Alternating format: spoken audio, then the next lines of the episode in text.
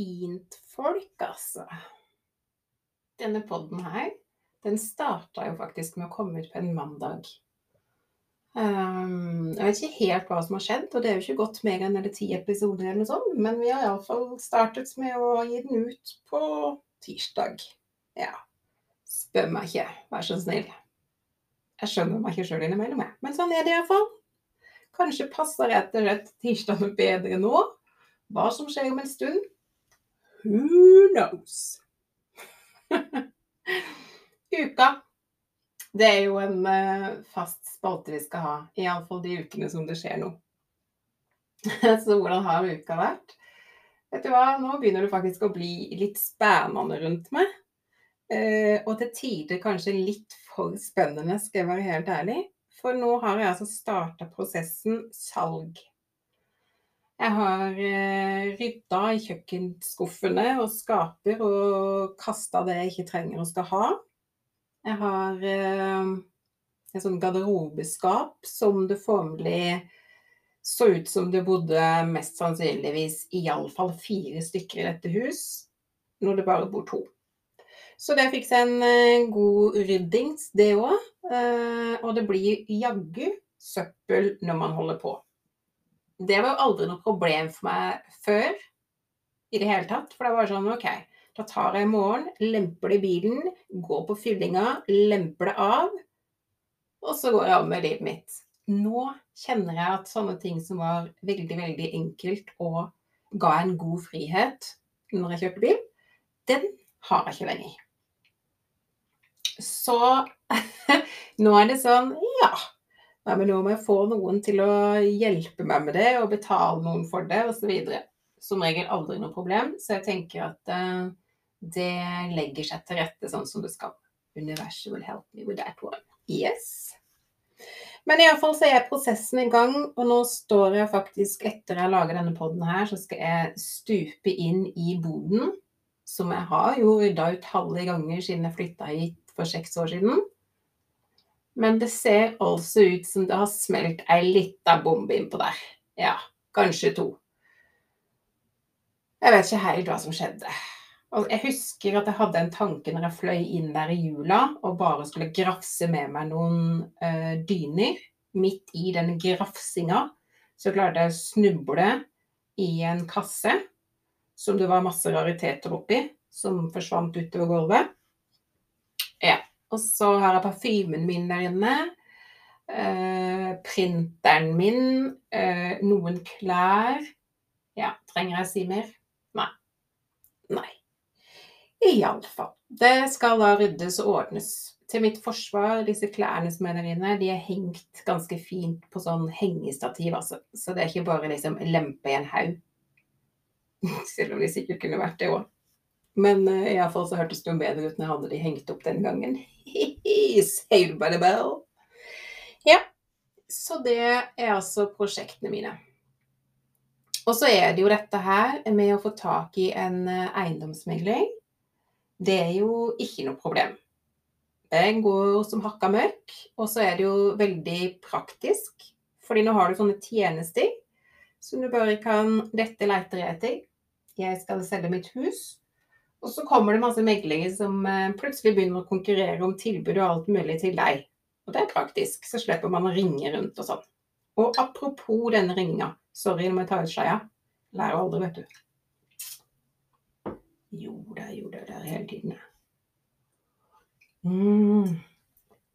OK. Back. Uh, apropos denne telefonen, det er jo det jeg syns er greit med sånne databaser. Du bare skriver inn mailadresse og alt, men så kommer til et punkt telefonnummer. Prøver å hoppe over det. Uh, det vil jo ikke denne databasen. Bare dette, dette er obligatorisk. Og jeg tenker nei. Hvorfor det? Men for å få bruke den tjenesten, så må jeg skrive da telefonnummeret mitt. Og får da selvfølgelig dagen etterpå eh, drøssevis med telefoner. Og jeg er ikke glad i å prate telefonen. Jeg syns det å prate telefonen tar veldig mye energi. Og jeg liker det kun med de menneskene som er helt inni min kjerne.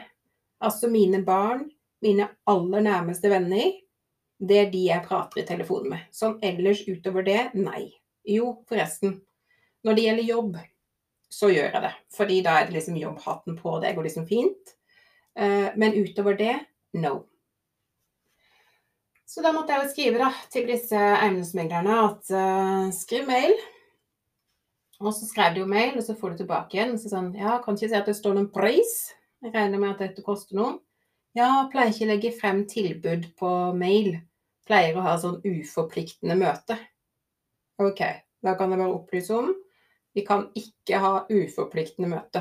Fordi jeg er så introvert.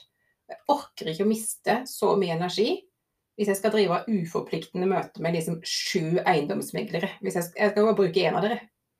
Så tilbud først. Så skal jeg se på det. Danne det etter hverandre. Og så møter jeg to. Maks tre. Det var liksom taktikken min. Så jeg fikk tilbud av flere på mail, og selvfølgelig noen som fortsatt ringer. Og hvis dere skulle være så heldig eller uheldig, kall det hva du vil, og komme sneie innom denne poden, så kan jeg bare si du skal ikke selge huset mitt. Mail er det som gjelder her. og jeg skjønner at det høres sært ut for noen, men for meg er det altså så energitappende å prate i telefonen med mennesker som jeg egentlig ikke har en relasjon til, eller som jeg har bygd opp noen energirelasjon til, at jeg gidder ikke å holde på med det. Og jeg tenker at nå er jeg blitt altså 42 år. Jeg kan bære den særheten med en god dose stolthet, kjenner jeg. Så sånne ting, det har jeg begynt å gjøre mer av. Nei, jeg beklager, det passer meg ikke. Det kan jeg altså ikke jenke meg for.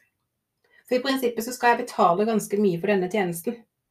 Så la oss gjøre denne tjenesten komfortabel for meg som skal legge ut disse pengene. Eh, det er jeg helt ærlig på. Så der er vi altså nå. Så vi kommer jo et skritt lenger. Jeg ser det når jeg ser på det sammen med dere nå, for det er nesten det jeg gjør. Med at jeg liksom prater om det og får det opp hva som faktisk har skjedd. Men det har vært eh, Det har jo, som jeg har sagt før i denne poden, vært et tung start på året. Fordi eh, jeg har hatt så veldig lite energi. Fatiguen har eh, virkelig vært på sprengtoppen, har jeg følt. Jeg har følt at jeg har trengt hvile. Og det har jeg også gitt den. Samtidig som det er jo veldig lett at det mentale går i 120, så det planlegges jo liksom alltid noe oppi topplokket her, noen kurs eller et eller annet. det er jo sånn kunstnerhue liksom holder på. Så det er jo aldri helt fritt for det. Eh, og det er jo også der yogaen og meditasjonen for min del kommer inn. Det er jo fordi jeg har et veldig behov for å temme mitt mentale. Eh, for det, det går på høygir hvis jeg hadde og Gud forby om jeg hadde liksom hengt meg på alle de tankene og alle de sprella. Jeg er jo gæren nok fra før, liksom. Så ja. Det var jo uka. Og um, jeg syns jo ikke det høres det grann sært ut å la være å prate telefonen. Jeg er jo til og med en sånn en som når det ringer på døra, så får jo jeg litt sånn hjerte i halsen, og, og det stopper litt opp for meg.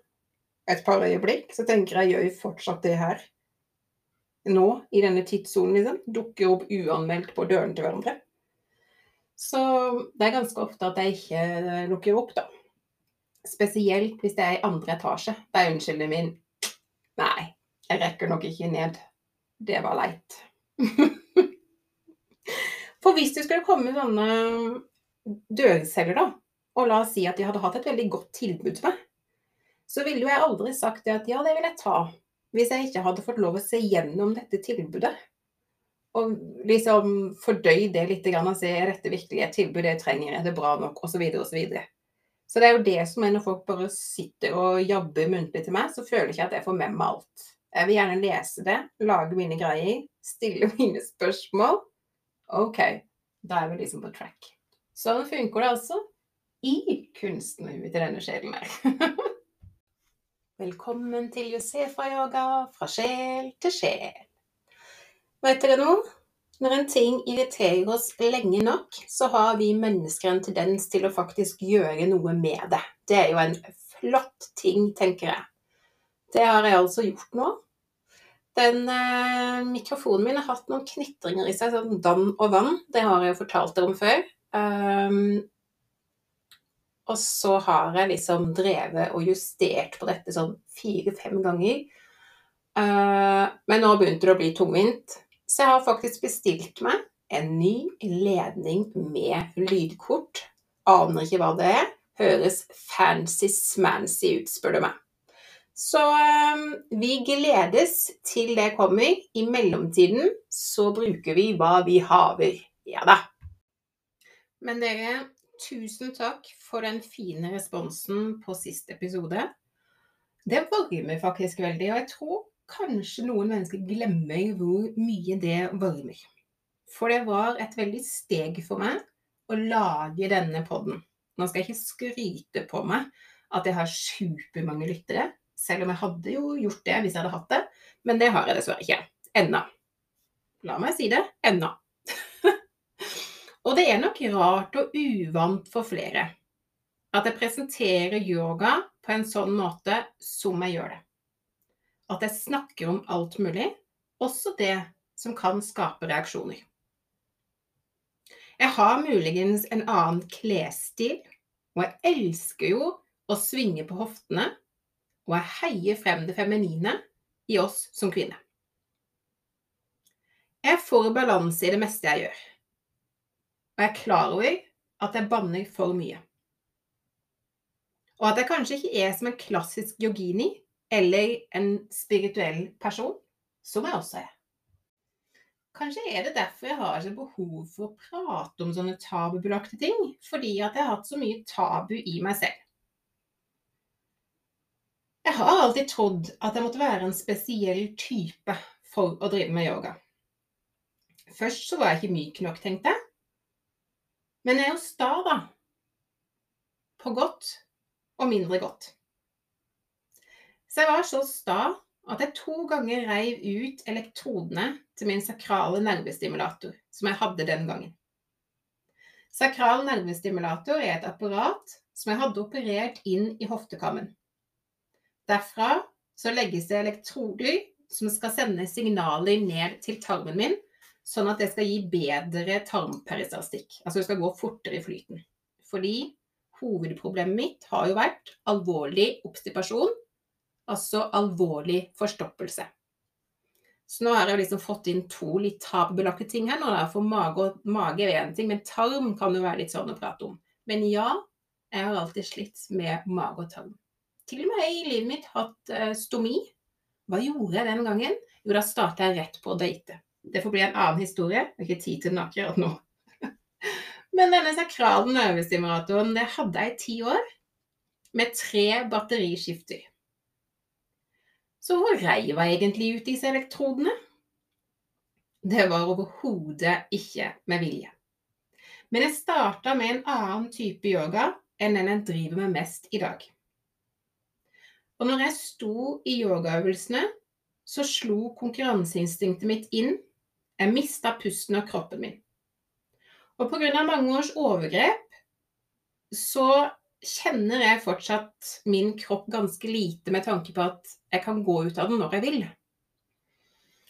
Dette er jo en god eh, og ofte en velkjent taktikk når ting blir for tøft å forholde seg til. Nå sier jeg god med tanke på at den føles god der og da.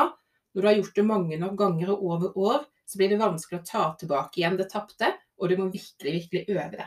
Sånn som jeg har følt det. Men det skulle ta noen år inn i min egen praksis før jeg skjønte hva det var jeg egentlig gjorde. Fordi når jeg går ut av min egen kropp, så skjer det på autopilot. Men etter en stund så starta jeg med medieyoga, som er en terapeutisk yogaform som jeg forsker på. Her brukes for så vidt enkle, men effektive øvelser i samsvar med pusten.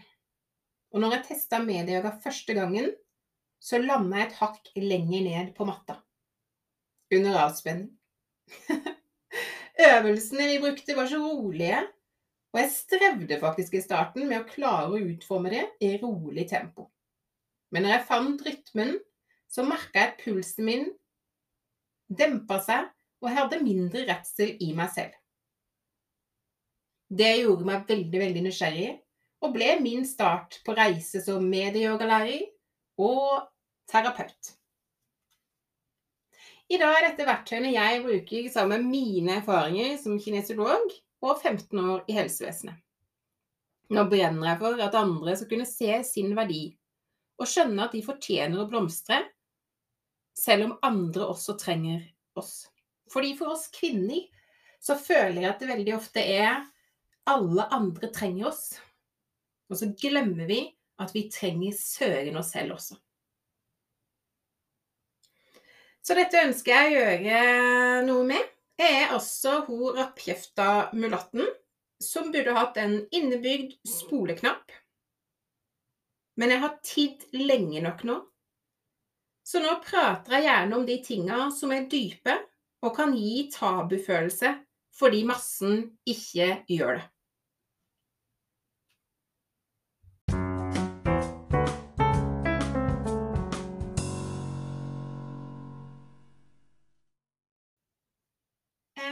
At mye av samfunnet, eller vi mennesker generelt, har kommet fullstendig ut av balanse. Det er liksom om å gjøre å være i hver sin ytterpunkt.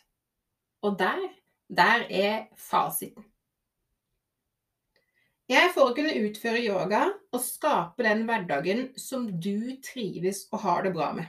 For noen så er det å fordype seg helt. Unngå kjøtt og dyreprodukter, være med i mantragrupper osv.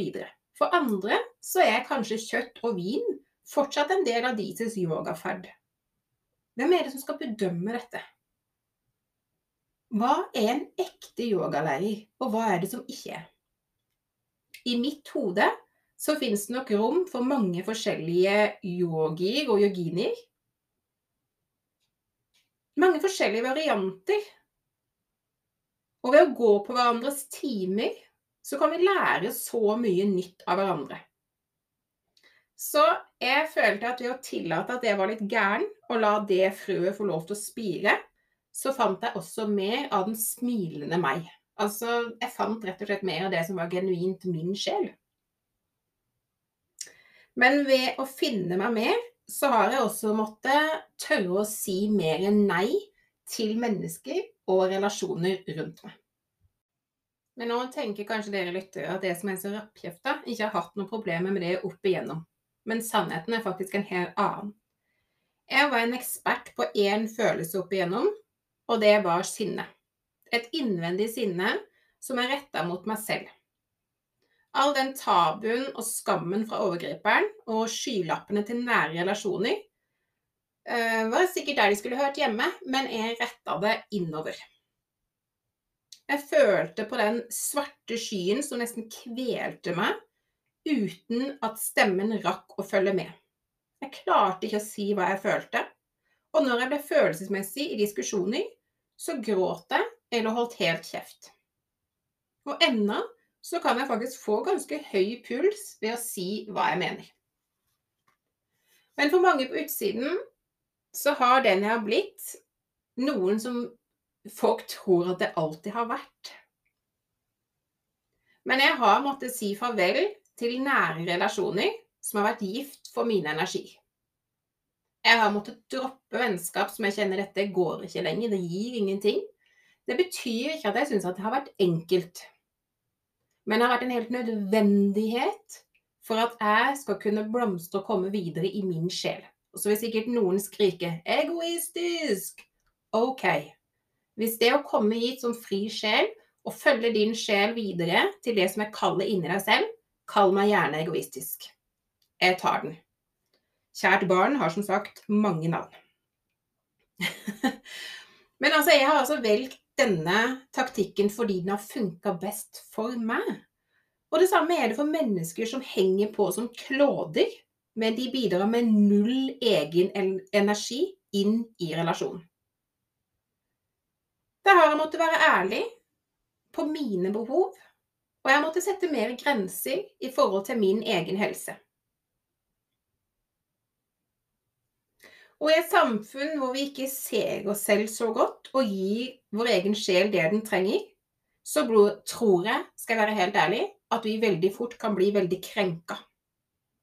Det føles litt som ut som verden burde serve oss noe bedre enn det den faktisk gjør. Og der, der syns jeg vi er på vei nå.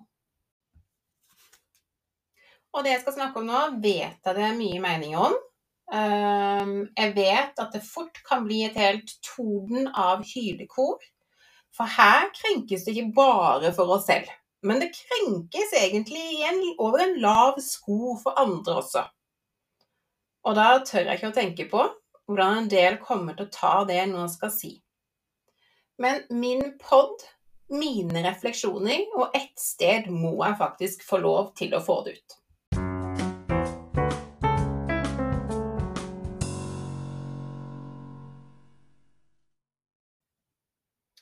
Jeg kommer fra en liten sørlandsby, og på den tiden som jeg vokste opp, så hadde man jo sett blandingsbarn. Min far var en av de første negerne som kom til byen. Men det var ikke så vanlig heller på den tida som jeg vokste opp, og i de små forholdene. Og det var vanskelig å finne seg helt til rette når jeg starta på skolen og begynte i fritidsaktiviteter og de tingene der. Fordi jeg skilte meg ut i forhold til de barna som hadde bare norsk nasjonalitet i seg. Eller som ikke hadde noe blandingsforhold, sånn som jeg hadde. Så jeg hadde jo afrohår. Um, mamma har aldri vært noe til å verken stelle afrohår eller noe som helst. Hun gjorde det hun kunne for å greie det. Jeg husker at hun løp intenst etter en børsten for å få lov å greie det før jeg skulle på skolen, og jeg løp hylende før henne.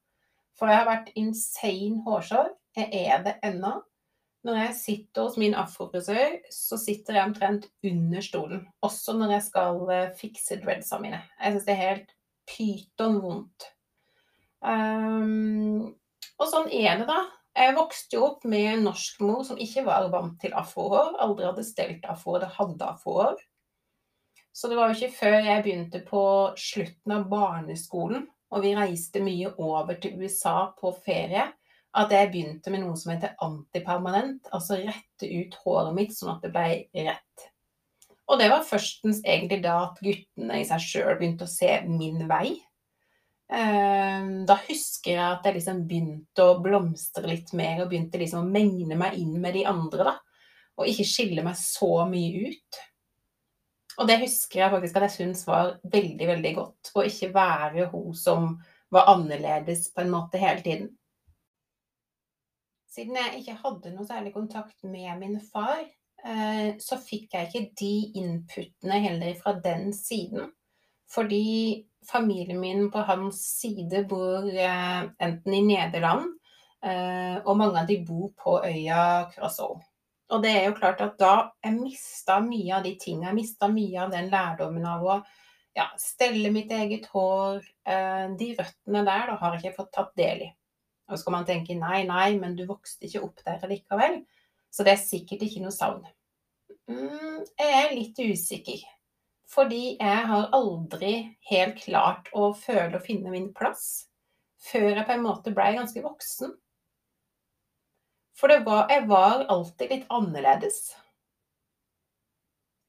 Og for meg så har jeg alltid liksom prøvd som barn, og det er jo sånn barn gjerne gjør, at man vil være som de andre. Når man er barn og ungdom, har man ikke lyst til å være annerledes. Jeg vil ikke være annerledes. Det håret var liksom den største fienden min, og har vel vært det egentlig helt til jeg fikk dreads. Og det er jo nå ett år siden jeg starta på reisen. Men det er ti år siden jeg begynte å sy på hår, så da fikk jeg jo mye større mulighet til å kunne på en måte eh, Hva skal jeg si Få det som jeg ville ha, da. Men jeg har alltid, etter at jeg liksom fikk barn, vært veldig, veldig stolt av å være mulatt. Jeg syns at det har vært noe som har klinga veldig fint. For meg så har det vært en stolthet av å være miksa. Eh, og i Karibien er det en god del øyer som faktisk også fortsatt bruker ordet mulatt, og bruker det som en ja, noe de er stolt av. Altså et blandingsforhold, da. Og det er liksom helt eh, Det er noe som er fint der. Og jeg har vært vant til, eh, som dere hørte i stad, jeg la merke til når jeg hørte tilbake, men jeg har vært vant til da at, at vi sier neger. Min far var en av de første negerne som kom til byen på 70-tallet. Den historien har jeg blitt, blitt fortalt av han, av andre i det hele tatt, og hans ferd. Han kunne mobbe meg innimellom og kalle meg 'Jøsseland, hva skjedde?' For blei du så lys? Ja ja, jeg gjorde det med lyset på, det var sikkert derfor. Da blei så snømann, da. Jeg lagde en video eh, for en del måneder siden på TikTok hvor jeg viste dette med å være mulatt. Og hvor jeg da viser blandingsforhold mellom ja, det mørke og det lyse i en kopp, og forklarer at det er mulatt, og denne miksen. Den filmen har blitt vist over 120 000 ganger. Det var så massivt, det kommentarfeltet, at jeg til slutt valgte å stenge det. De fleste av, kom av kommentarene var kjempefine og støttende, og de skjønte meg veldig godt. Men en god del av kommentarene var virkelig overveldende å få. Fordi for første gang i livet mitt så ble jeg kalt rasist. Så jeg, som altså da har en far som er neger, og som selv er da mulatt eller blandingsbarn, eller kanskje det sorte får med tilpasningsvansker Gidene vet hva jeg nå skal kalle meg selv. Men igjen så føler jeg at jeg er kommet i en posisjon hvor jeg rett og slett ikke vet helt hvor jeg har plass. Eller det vil si, det er ikke helt riktig. Fordi jeg er blitt såpass voksen at jeg gir egentlig jevnt f-en i om de har tatt Hottentott ut av boka, om det ikke er lov til å si nediger lenger, om det ikke er lov til å si mulatt. For vet du hva? Jeg har brukt så mange år av livet mitt å stå så rakrygga som jeg gjør i dag, og være stolt over både der jeg kommer ifra, og den miksen jeg er, at jeg har tenkt til å bruke de ordene fordi jeg gjør det med respekt, og fordi jeg gjør det fordi jeg syns det er noe ordentlig fint. Det kan ikke være sånn at alle de menneskene som går rundt oss og sier mulatt, tror at vi gjør det fordi at de skal være stygge. Det er jo ikke sånn det foregår. For mange mennesker så er det det samme som meg. De ser på det som noe fint. Og de som ikke gjør det, who cares? Altså, de syns jo ikke alle fra Norge er pene heller. Altså, hva er det vi holder på med, egentlig? Skal vi være så skjøre at vi må snart bytte ut alle ord som har noe med svart å gjøre, som har noe med mulatt å gjøre? Eller du er en ette hottentott. Hæ? Eller denne negerkongen til Pippi. Han er jo ikke neger lenger, han er bare konge. Gudene veit hva som skjedde med han. Det syns jeg nesten er mer tragisk. Nei, sjopp, så var det noen andre. Da var du ikke neger. Vet ikke hva det var. Altså, ja, jeg fjåser litt. Men det er fordi at jeg syns det er fjås. Men jeg skjønner de menneskene som er, har en helt annen historie, som har sin greie. Men vi må ikke glemme at det ikke gjelder alle. Og jeg tror snart at vi kan bli et samfunn som tilrettelegger i hjel. For det går faktisk an. Det går an å hjelpe i hjel òg. Det går bare rett og slett ikke an å please alle. Og vi er så miksa nå. Vi, vi reiser på tvers av verden. Vi forelsker oss, vi lager barn og i det hele tatt. Sånn har det liksom vært det er liksom Det er sånn viska ut, det her med alle de her forskjellige fargene og tingene. Men la oss være stolt av de blandingene som er der ute. Eller de som ikke er blanda, for den saks skyld. For jeg er mye mer redd for en drittsekk som oppfører seg som en totalt idiot, enn jeg er for selve fargen. Det er jo måten å være på, måten du oppfører deg på, som har en funksjon.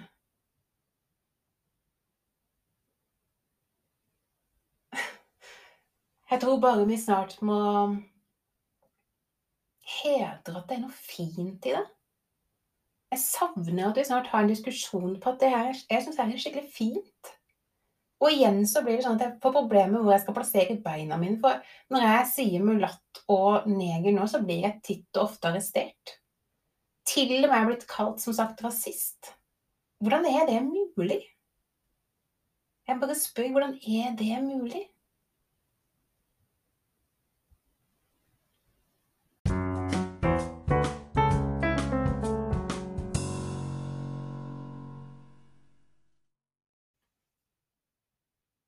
Savner balansene. Jeg savner veldig balansen. Hvis noen kommer hen til meg og sier 'din jævla mulatt', så syns jeg det er skikkelig frekt. Og jeg blir mest sannsynligvis småsnurt, fordi jeg gidder ikke legge noe mer i det. Men jeg syns det er skikkelig frekt. Men jeg hadde syntes at det hadde vært like frekt hvis noen hadde kommet hen og sagt 'din jævla nordmann', eller 'din jævla kineser', eller hva det måtte være. Eller niggi, for den saks skyld.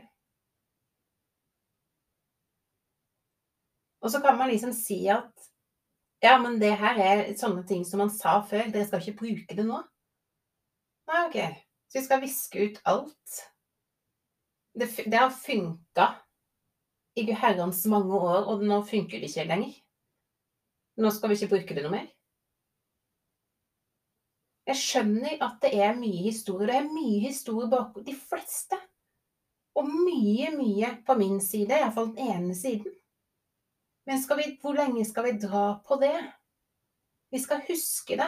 Vi skal hedre de som har hjulpet oss og vært der før oss. Men må vi dra på driten hele tiden og lage ting som gjør det vanskeligere? Nå er det sånn at hvis du er uheldig å si noen av de ordene, så blir du omtrent lynsja. Og det blir svære utdrag på TV eller aviser eller blader eller hva det måtte være. Det blir hausa opp i dimensjoner. Hva vinner vi på det egentlig? Hvem er det vi prøver å ta? Og ikke minst, vi hjelper ikke alle. Vi gjør ikke det. Dette hjelper ikke oss å komme noe nærmere. For det her blir så fremmed. For meg blir det skikkelig fremmed.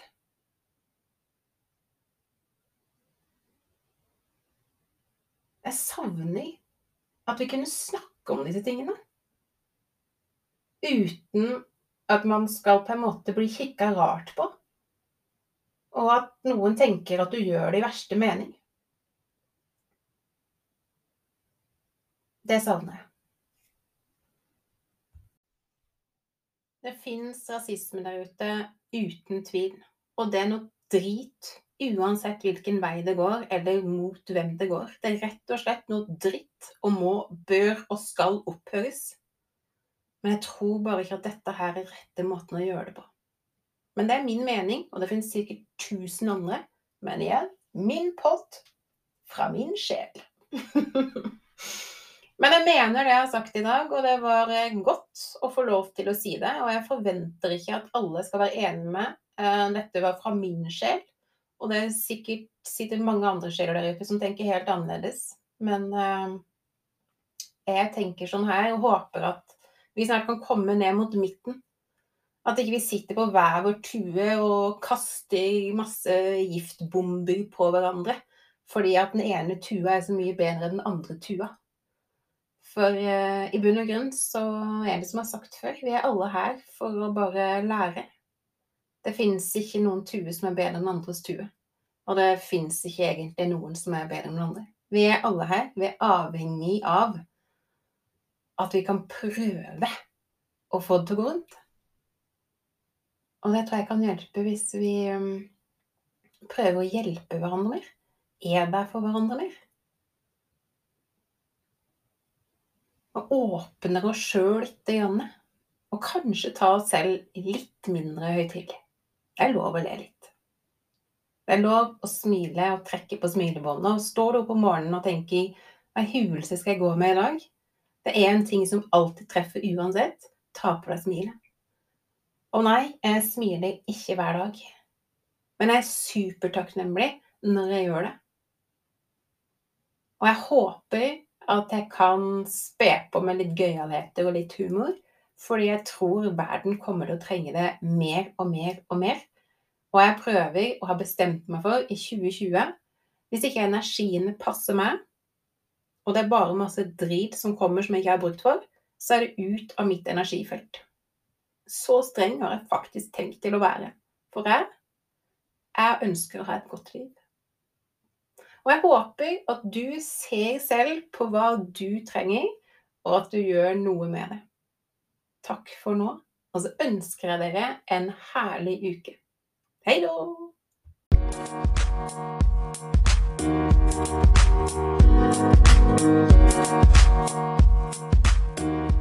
back.